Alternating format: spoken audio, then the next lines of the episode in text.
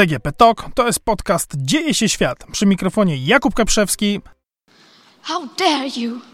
Tak niedawno na forum Organizacji Narodów Zjednoczonych mówiła do polityków z całego świata młoda aktywistka klimatyczna ze Szwecji Greta Thunberg. You have stolen my dreams and my childhood with your empty words. Teraz będzie miała okazję powtórzyć te cierpkie słowa na konferencji klimatycznej COP25, która właśnie odbywa się w Madrycie i gdzie tysiące delegatów ze wszystkich krajów świata przez dwa tygodnie będzie negocjować przyszłość klimatyczną naszej planety. This is all wrong. I shouldn't be up here. I should be back in school on the other side of the ocean. Dwutygodniowe szczyty klimatyczne odbywają się co roku. To właśnie na takim spotkaniu 4 lata temu nad Sekwaną podpisano porozumienie, które przeszło do historii jako porozumienie paryskie. Dlaczego jest ono takie ważne? Ano dlatego, że był to pierwszy raz, kiedy wszystkie państwa na świecie zobligowały się do tego, żeby walczyć ze zmianami klimatu ramię w ramię. Wszystkie, dlatego że jest to wyzwanie znacznie większe i ponad siły dowolnego organizmu państwowego, więc musi być to kwestia wspólnego wysiłku. Co to właściwie znaczy walczyć ze zmianami klimatu? Otóż są one już na stadium zbyt zaawansowanym. Nie jesteśmy w stanie ich powstrzymać, dlatego logika jest tutaj trochę inna. Uznajemy, że temperatury będą wzrastać i że globalne ocieplenie jest faktem. Chcemy po prostu, żeby nie wzrastały za bardzo. Za bardzo to znaczy nie więcej niż 2 stopnie ponad poziom sprzed epoki przemysłowej. Idealnie 1,5 stopnia. Te pół stopnia, wbrew pozorom, robi w skali globu kolosalną różnicę. Diabeł oczywiście tkwi w szczegółach i to właśnie na szczegółach będą chcieli skupić się negocjatorzy w Madrycie. Na czym konkretnie? A mianowicie na czymś, co nazywa się artykułem szóstym porozumienia paryskiego. Przewiduje on, że na świecie powinien istnieć mechanizm, dzięki któremu kraje na całym świecie mogłyby handlować ze sobą emisjami. W ten sposób ci, którzy emitują mało, mogliby sprzedawać swoje uprawnienia do emisji tym, którzy emitują tego więcej. I taki system stałby się w ten sposób podstawą dla międzynarodowego rynku handlu emisjami. Dlaczego to jest takie ważne? Ano dlatego, że wychodzimy poza płaszczyznę ogólnych deklaracji, jakie na przykład w ramach porozumienia paryskiego każde państwo złożyło. Każdy kraj powiedział, o ile chce zredukować swoje e, emisje w jakimś tam horyzoncie czasowym, a przechodzimy do konkretów. Znaczy, przechodzimy do sytuacji, w której faktycznie ponadnormatywne emisje mają swoją cenę, którą ktoś potem będzie musiał zapłacić i będzie musiał sobie wliczyć do rachunku ekonomicznego. Tego na razie jeszcze we wspólnym wysiłku w walce ze zmianami klimatu nie było. Jeśli więc w Madrycie uda się osiągnąć porozumienie w tym względzie, to będzie coś naprawdę wielkiego, to będzie przełomowa rzecz. Szkoda, że w zeszłym roku nie udało się to w Katowicach. W Katowicach był szczyt klimatyczny i również negocjowana była kwestia tego, w jaki sposób handlować emisjami. Wtedy niestety nie osiągnęli negocjatorzy porozumienia. Będą próbować w tym roku, jeżeli w tym roku się nie uda, będą próbować w przyszłym roku w Glasgow. How dare you! Różne tego typu rozwiązania już w tej chwili obowiązują na świecie i przykładem jest oczywiście Unia Europejska. Mamy tutaj coś, co nazywa się European Union Emissions Trading Scheme, czyli w skrócie ETS. Jest to system handlu emisjami, który obejmuje m.in. nasze elektrownie i niektóre zakłady przemysłowe. Tutaj zasada działania jest prosta. Każdy kraj dostaje pewien limit emisji. Ten limit potem jest rozdzielany między poszczególne zakłady. Jeśli kraj, zakład przekroczy swój limit, musi po prostu dokupić od innych. A inni skąd mogą mieć? Ano na przykład dlatego, że wyemitują dwutlenku węgla do atmosfery mniej, skutkiem czego trochę ich, ich limitu, ich zezwoleń pozostanie. To sprawia, że rosną koszty działalności energochłonnej. Więc jeśli na przykład wytwarzamy energię elektryczną z węgla kamiennego, no to do tych wszystkich stałych kosztów, które mamy, musimy jeszcze dorzucić koszty zezwoleń na emisję. I to tak jakby stanowi jednocześnie zachętę dla nas, żebyśmy inwestowali w bardziej ekologiczne rozwiązania. Czy to będą filtry, które ograniczają nasze emisje, czy jakieś bardziej egzotyczne technologie. Z punktu widzenia dużych firm energetycznych zachęca je to wręcz do rezygnacji z elektrowni opalanych węglem kamiennym. ETS stanowi największe tego typu rozwiązanie na świecie, ale podobne rozwiązania funkcjonują tak naprawdę w 50 różnych państwach.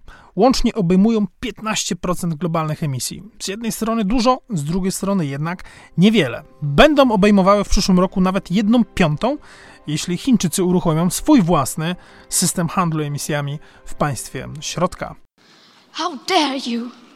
Trzeba jeszcze raz podkreślić, jak bardzo ważne są rozmowy, które w zeszłym roku odbywały się w Katowicach, teraz odbywają się w Madrycie, a w przyszłym roku mogą odbywać się w Glasgow, ponieważ pierwszy raz mówimy o konkretach. I oczywiście samo porozumienie paryskie było gigantycznym sukcesem. Uznanie przez wszystkie państwa, że walka ze zmianami klimatu to jest jednak wspólny wysiłek, to był przełom. Czegoś takiego nie było wcześniej. Warto przypomnieć chociażby protokół z Kioto, który przecież obejmował tylko i wyłącznie państwa uprzemysłowione, w tym Polskę.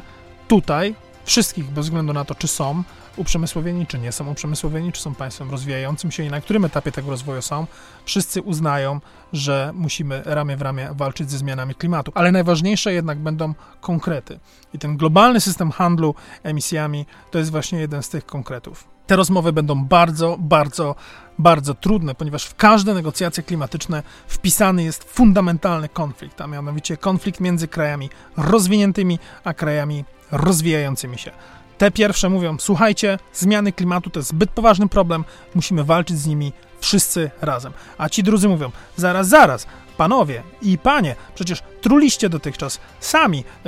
Kto was rozliczał wtedy, kiedy zanieczyszczaliście środowisko, aby móc osiągnąć swój obecny stopień rozwoju gospodarczego? My też chcemy się rozwijać. W związku z czym od samego początku, kiedy toczą się negocjacje klimatyczne, poruszana jest kwestia tego, w jaki sposób również ma dojść do transferu środków między państwami bogatymi a państwami mniej zamożnymi, który ułatwi niejako tym drugim przejście tej transformacji technologicznej, która jest niezbędna do tego, żeby uwolnić się od technologii opartych na paliwach kopalnych i przejście do technologii opartych na czystych źródłach energii. I ludziom na całym świecie, jak również e, Grecie Thunberg, postanowił wytłumaczyć to osobiście na konferencji energetycznej w październiku w tym roku w Moskwie prezydent Federacji Rosyjskiej Władimir Putin. Nikt nie wytłumaczył Grecie, że współczesny świat jest skomplikowany i szybko się zmienia. A przecież mieszkańcy Afryki i wielu państw Azji chcą być tak bogaci jak Szwedzi. Jak można to osiągnąć? Czy zmuszając ich do wykorzystania energii słonecznej, której w Afryce przecież nie brakuje? A czy ktoś wyjaśnił, jaki jest koszt tego rozwiązania? I czy jest to technologia dostępna dla rozwijających się gospodarek? Chyba nie bardzo. Ale mieszkańcy tych krajów chcą żyć jak w Szwecji. I nic nie może ich przed tym powstrzymać. Proszę, idźcie im powiedzieć, że będą musieli żyć w ubóstwie jeszcze przez 20 albo 30 lat.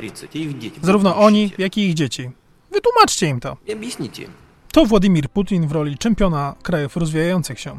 Nie zmienia to jednak faktu, że coś jest na rzeczy, w związku z czym jednym z kluczowych słów porozumienia klimatycznego jest termin dyferencjacja, ewentualnie różnicowanie. Chodzi mianowicie o to, że we wszystkich negocjacjach klimatycznych inną miarę będziemy przykładać do państw bogatych, a inną miarę będziemy przykładać do państw mniej zamożnych, żeby w ten sposób obciążenia rozłożyły się stosownie tak jakby do wkładu w zmianę klimatu, jak również e, stopień zamożności. Jest to bardzo ważne i bogate państwa dostrzegają tą perspektywę i wiedzą doskonale, że mniej zamożni gracze też potrafią twardo walczyć o swoje interesy. Najlepszym przykładem jest chociażby zakończona parę lat temu fiaskiem runda negocjacyjna w Douszy na forum Światowej Organizacji Handlu, gdzie Indie tak naprawdę w pojedynkę zastopowały kolejną rundę liberalizacji globalnego handlu, uznając, że będzie ta liberalizacja stanowiła zbyt duże zagrożenie dla ich małych rolników. How dare you! Opracowanie globalnego systemu handlu emisjami to bardzo ważny krok na drodze do tego, żeby cały świat zaczął redukować swoje emisje, ale niewystarczający. Dlatego w przyszłym roku w Glasgow sygnatariusze porozumienia paryskiego będą składać jeszcze bardziej ambitne cele klimatyczne niż te, które przedstawili dotychczas. Sprawa jest bardzo paląca, dlatego że Organizacja Narodów Zjednoczonych miesiąc temu wydała raport, zgodnie z którym nawet jeśli sygnatariusze porozumienia, czyli praktycznie wszystkie państwa na świecie, wypełniłyby swoje obecne zobowiązania, jest taka lista dostępna w internecie bardzo długa, to średnia temperatura na świecie pod koniec naszego wieku, w roku 2100, wzrośnie nie o 1,5, nie o 2, ale o 3,2 stopnia Celsjusza. O czym dobitnie na samym początku szczytu COP madryckiego mówił Antonio Guterres, czyli sekretarz generalny Narodów Zjednoczonych. Powiedzmy sobie szczerze, dotychczasowe wysiłki zmierzające do zmniejszenia poziomu emisji na świecie były kompletnie nieadekwatne.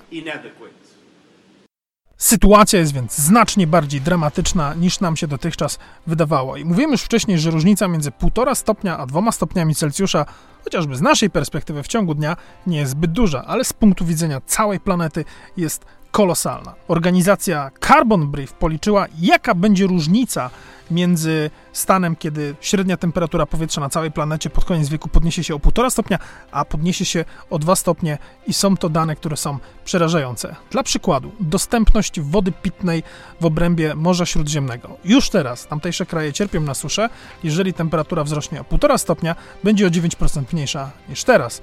Jeżeli zwiększy się o 2 stopnie, będzie o 17% mniejsza niż teraz. Kolejną kwestią są zbiory zbóż, na które oczywiście mają wpływ zjawiska pogodowe, burze gwałtowne, jakieś tornada i dostępność oczywiście wody, susze. E, w regionach tropikalnych, według ludzi z Carbon Briefu, jeżeli temperatura podniesie się o 1,5 stopnia, produkcja pszenicy spadnie o 9%. To i tak jest dużo, biorąc pod uwagę, że planujemy wzrosty liczby ludności w tamtych regionach. Jeśli temperatura wzrośnie o 2 stopnie Celsjusza, zbiory pszenicy będą mniejsze o 16%. Co więcej, eksperci przewidują również, że zajdzie znacząca różnica w poziomie mórz. 1,5 stopnia Celsjusza wzrost o 40 cm. 2 stopnie Celsjusza wzrost o 50 cm, co w przypadku krajów, gdzie największa, najwyższa góra ma 1 metr, stanowi kolosalną różnicę. I niestety nie mamy tutaj dobrej wiadomości. Prawdopodobnie dalej będzie następowało bielenie raf koralowych. Jeżeli pod koniec wieku temperatura wzrośnie o 1,5 stopnia, ten proces grozi 90% traw koralowych. Jeżeli wzrośnie o 2 stopnie, 98%. Mówimy o różnicy między 1,5 a 2 stopniami, a jak już słyszeliśmy, naukowcy przewidują, że jeśli nawet gdybyśmy spełnili, czyli nawet gdybyśmy zaczęli ograniczać emisję, tylko w takim stopniu, jak każdy kraj zadeklarował na mocy porozumienia paryskiego, to i tak dojdzie do ocieplenia o 3,2 stopnia. Zdaniem specjalistów, gdyby ten trend się utrzymał na koniec naszego wieku, oceany byłyby, miałyby wyższy poziom nawet o 1 metr, co tak naprawdę oznacza zalanie dosyć sporych połaci obszarów, które są w tej chwili zamieszkane, niektóre nawet bardzo gęsto zamieszkane. Więc powinniśmy redukować, jak przekonują eksperci we wspomnianym przeze mnie już raporcie, aby osiągnąć te półtora, te bardziej pożądane półtora stopnia Celsjusza, powinniśmy zredukować ilość gazów cieplarnianych emitowanych do atmosfery więcej niż o połowę ale do końca przyszłej dekady, co oznacza, że efektywnie mamy 10 lat i niecały miesiąc. Więc musimy redukować, a tymczasem emisje cały czas rosną. We wspomniany już raport stwierdził, że trend jest tak jakby stały.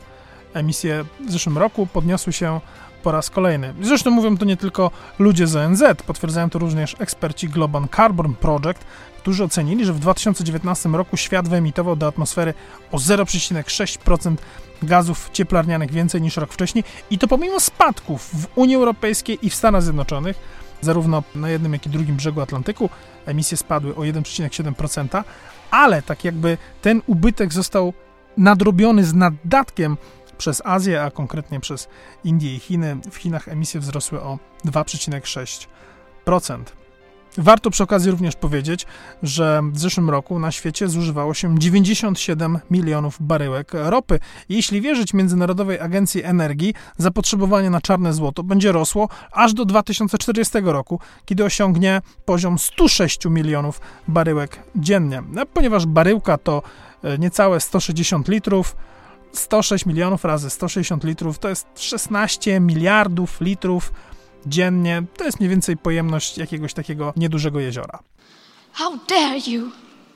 Rozmowy w Madrycie nie będą łatwe, m.in. dlatego, że przy stole zabraknie wysłanników jednego z największych trucicieli na świecie. Chodzi mi oczywiście o Stany Zjednoczone. Całkiem niedawno, bo 4 listopada, szef amerykańskiej dyplomacji Mike Pompeo wysłał do Organizacji Narodów Zjednoczonych list, który rozpoczął formalny proces wyjścia z porozumienia. I oczywiście prezydent Trump ogłosił to, że Ameryka wychodzi z porozumienia paryskiego 1 czerwca 2017 roku. Niemniej jednak ten formalny proces wyjścia rozpoczęty został teraz. I w jaki sposób on działa? Jeśli w Waszyngtonie czy też w Białym Domu nikt nie zmieni zdania, to dokładnie za rok od 4 listopada Ameryka przestanie być stroną porozumienia. Jako ciekawostkę można powiedzieć fakt, że 4 listopada w przyszłym roku wypada dzień po wyborach prezydenckich w Stanach Zjednoczonych, więc tak naprawdę nie za bardzo będzie komu zmienić to zdanie przez nadchodzący rok.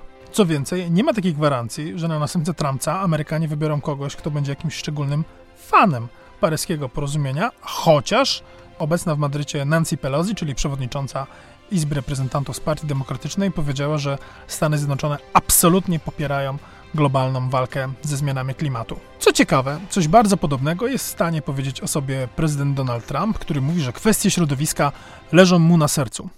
And I'm an environmentalist. A lot of people don't understand that.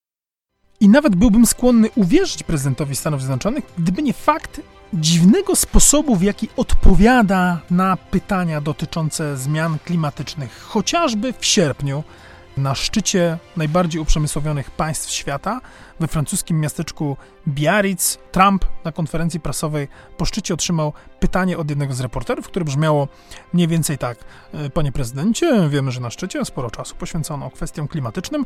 Swego czasu prezentował pan sceptycyzm odnośnie podstaw naukowych dla tychże zmian. Co świat powinien zrobić, jeśli idzie o zmiany klimatu, i czy wciąż jest Pan sceptyczny w odniesieniu do podstaw naukowych tego procesu? Zwróćmy uwagę, jak bardzo nie wprost jest ta odpowiedź. Uważam, że Stany Zjednoczone są w posiadaniu ogromnego bogactwa. Bogactwa, które znajduje się pod naszymi stopami. Sprawiłem, że zaczęliśmy korzystać z tego bogactwa. Wkrótce będziemy jednym z. Wkrótce będziemy eksportować, a właściwie robimy to już teraz. Eksportujemy. Jesteśmy producentem surowców energetycznych numer jeden na świecie i utrzymamy tą pozycję. Nie mam zamiaru stracić tego bogactwa na wiatraki, które, szczerze mówiąc, nie działają zbyt dobrze. W odpowiedzi na pytanie o zmiany klimatu prezydent postanowił więc pochwalić się swoimi osiągnięciami w dziedzinie zwiększenia globalnych emisji. Ale to nie jest tak, że wątki środowiskowe w ogóle nie pojawiły się w odpowiedzi na pytanie reportera w Biarritz. Chcę najczystszej wody na świecie. Chcę najczystszego powietrza na świecie. I tym właśnie się zajmujemy. Przejmuję się środowiskiem. Ludzie tego nie rozumieją. Wypowiadałem się na temat środowiska i wpływu na nie częściej niż ktokolwiek. Tak mi się wydaje. Z pewnością znacznie, znacznie, znacznie więcej niż ktokolwiek, kto był prezydentem, wiceprezydentem albo kimś zbliżonym do prezydenta. I wiem o środowisku więcej niż większość ludzi. Coś musi być z tym czystym powietrzem i czystą wodą u prezydenta Trumpa, ponieważ jest to wątek, który pojawia się w jego wypowiedziach właśnie w kontekście zmian klimatu nie po raz pierwszy. I dzieje się to na tyle często, że nawet ostatnio Washington Times spekulował, że być może prezydent nie do końca rozumie, o co właściwie chodzi w tych całych zmianach klimatu. To jest oczywiście złośliwość ze strony gazety znajdującej się na drugiej stronie politycznego spektrum względem prezydenta. Niemniej jednak coś na rzeczy chyba jest, ponieważ po zakończonym niedawno szczycie NATO w Wielkiej Brytanii prezydent także otrzymał pytanie o zmianę klimatu na wspólnej konferencji prasowej z premierem Kanady i taka padła odpowiedź. Myślę o tym cały czas. Zmiany klimatu są dla mnie bardzo ważne. Wielokrotnie mówiłem o wpływie na środowisko i bardzo mocno wierzę w krystalicznie czystą wodę i czyste powietrze. To poważna część zmian klimatu. How dare you? Oczywiście nie jest tak, że w Stanach Zjednoczonych nic się nie robi dla walki ze zmianami klimatu. Jest tam wielu polityków, którzy uważają, że jest to jedno z kluczowych wyzwań ludzkości. Oczywiście zielony stan Kalifornii e, jest w absolutnej forpoczcie, jeśli idzie o walkę ze zmianami klimatu. Zresztą nawet jeśli sięgnie się do e, listu, w którym Mike Pompeo, szef amerykańskiej dyplomacji, żegna się z porozumieniem paryskim, tam można również przeczytać, że Stany Zjednoczone w ciągu ostatnich 14 lat zmniejszyły ogólny poziom swoich emisji, pomimo tego, że gospodarka znacząco urosła. I oczywiście w jakiejś perspektywie czasowej jest to prawda, natomiast Amerykanom w ostatnich latach zdarzały się takie, kiedy emisje e, rosły. Na drugim biegunie znajduje się Unia Europejska i nowa Komisja Europejska, której szefowa przewodnicząca Ursula von der Leyen chciałaby nowego zielonego dealu dla Europy. Byłby to zestaw instrumentów, który pozwoliłby oprócz pieniędzy publicznych zmobilizować również środki prywatne do tego, żeby znacząco przyspieszyć politykę wprowadzania czystych technologii w Europie na znacznie większą skalę niż to się odbywało dotychczas. Co jest ważne, zwłaszcza z punktu widzenia Polski, jest to, że jednym z elementów tego całego pakietu zmian regulacyjnych proponowanych przez Komisję Europejską jest również fundusz, który miałby współfinansować zmiany energetyczne krajach, w których większość energetyki na razie oparta jest o paliwa kopalne, takich właśnie jak Polska. Niestety problem polega na tym, że nie wszyscy członkowie Unii Europejskiej chcą się zrzucić na tego typu zmiany. Problem polega na tym, że wielką niewiadomą jest jeszcze przyszły budżet unijny, tak zwane wieloletnie ramy finansowe. Negocjacje cały czas nad nim trwają. Swoje propozycje przedstawiła już stara komisja.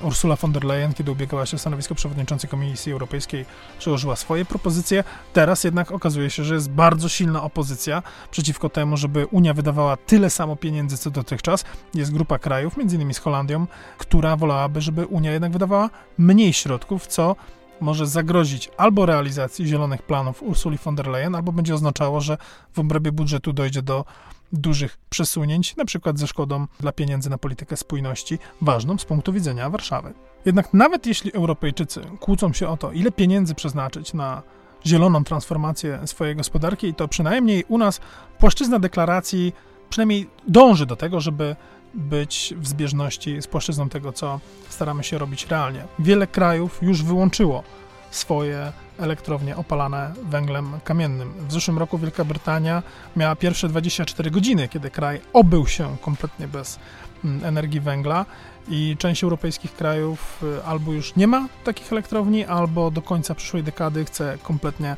z nich zrezygnować. Inną kwestią jest największy globalny truciciel, czyli Chiny. Tutaj niestety płaszczyzna deklaracji często rozjeżdża się z płaszczyzną tego, co jest robione. I chociaż Chiny dotychczas były w forpoczcie, absolutnej forpoczcie, jeśli idzie o instalację nowych mocy, z odnawialnych źródeł energii, niestety ten boom się skończył wraz z końcem państwowych subsydiów, dotacji na instalację takich właśnie paneli przez biznesy, firmy i klientów indywidualnych. Wraz z końcem tych dotacji spadły inwestycje z 76 miliardów dolarów w pierwszej połowie 2017 roku do 29 miliardów dolarów w pierwszej połowie roku bieżącego. Co więcej, Chiny zwiększają również liczbę elektrowni opalanych węglem kamiennym, jak wynika z wyliczeń przeprowadzonych przez organizację pozarządową Carbon Trust, w ciągu najbliższych kilku lat Chiny chcą oddać u siebie elektrownie opalane węglem kamiennym o łącznej mocy 143 gigawatów. Jak dużo to jest? Odpowiedź jest prosta. To jest więcej niż wszystkich elektrowni opalanych węglem kamiennym działających w chwili obecnej na terenie Europy. Jest więc jasne, że każde działanie, które będzie dążyło do tego, żeby w radykalny sposób zmniejszyć emisję gazów cieplarnianych, globalne emisje gazów cieplarnianych, będzie musiało uwzględnić Chiny i rząd w Pekinie będzie musiał zrobić znacznie więcej niż jest gotów robić do teraz. Oczywiście Chińczycy złożyli e, zobowiązania w ramach porozumienia paryskiego, tylko w stosunku do tego, jaką rolę ich gospodarka obecnie odgrywa w gospodarce światowej, wydają się być lekko niedostosowane, ponieważ ich podstawowe zobowiązanie jest takie, że przestaną zwiększać swoje emisje gazów cieplarnianych po 2030 roku. Innymi słowy mówiąc, jeszcze przez 11 lat mogą spokojnie sobie smrodzić. To jest trochę tak, jakby ktoś zobowiązał się do tego, że przestanie wyrzucać śmieci w lesie, tylko jeszcze musi pojechać wyrzucić dwa stare komplety opon i starą pralkę. Jeszcze raz należy podkreślić, że rozmowy w Madrycie będą niezwykle trudne, ponieważ po raz pierwszy w grę będą wchodziły prawdziwe pieniądze. Prawdziwe to znaczy takie, które ktoś faktycznie będzie musiał wyjąć ze swojej kieszeni, wpłacić na jakieś wspólne konto albo przekazać komuś innemu do ręki. I oczywiście ONZ i eksperci klimatyczni uspokajają, jeżeli nie uda się dogadać w Madrycie, możemy się dogadać w Glasgow, ale jeżeli faktycznie sytuacja jest tak dramatyczna, jak przekonują naukowcy, to powinniśmy się dogadać raczej w Madrycie, niż czekać na to, żeby w przyszłym roku odwiedzić to wspaniałe szkockie miasto. I oczywiście na chwilę obecną wygląda, że większość krajów na świecie jednak chce coś zrobić, żeby starać się zatrzymać zmiany klimatyczne i zahamować globalne ocieplenie. Niemniej jednak byłoby prościej, gdyby jednak nie było takich liderów, jak chociażby prezydent Brazylii Jair Bolsonaro, zwany również Trumpem z tropików, który nigdy nie ukrywał swojego sceptycyzmu przed zmianami klimatu, teraz boksuje się z całym światem, mówiąc, że sytuacja w Amazonii, gdzie dochodzi do masowego wypalania lasów, wcale nie jest taka zła, a zapytany, jak można walczyć ze zmianami klimatu, na niedawnej konferencji prasowej odpowiedział wprost. Po prostu mniej jedzcie. Mówicie o zanieczyszczeniu środowiska? To pomaga także załatwianie się co drugi dzień. DGP Talk to był podcast Dzieje się świat. Jakub Kajprzewski. Do usłyszenia. And I'm an environmentalist. A lot of people don't understand that.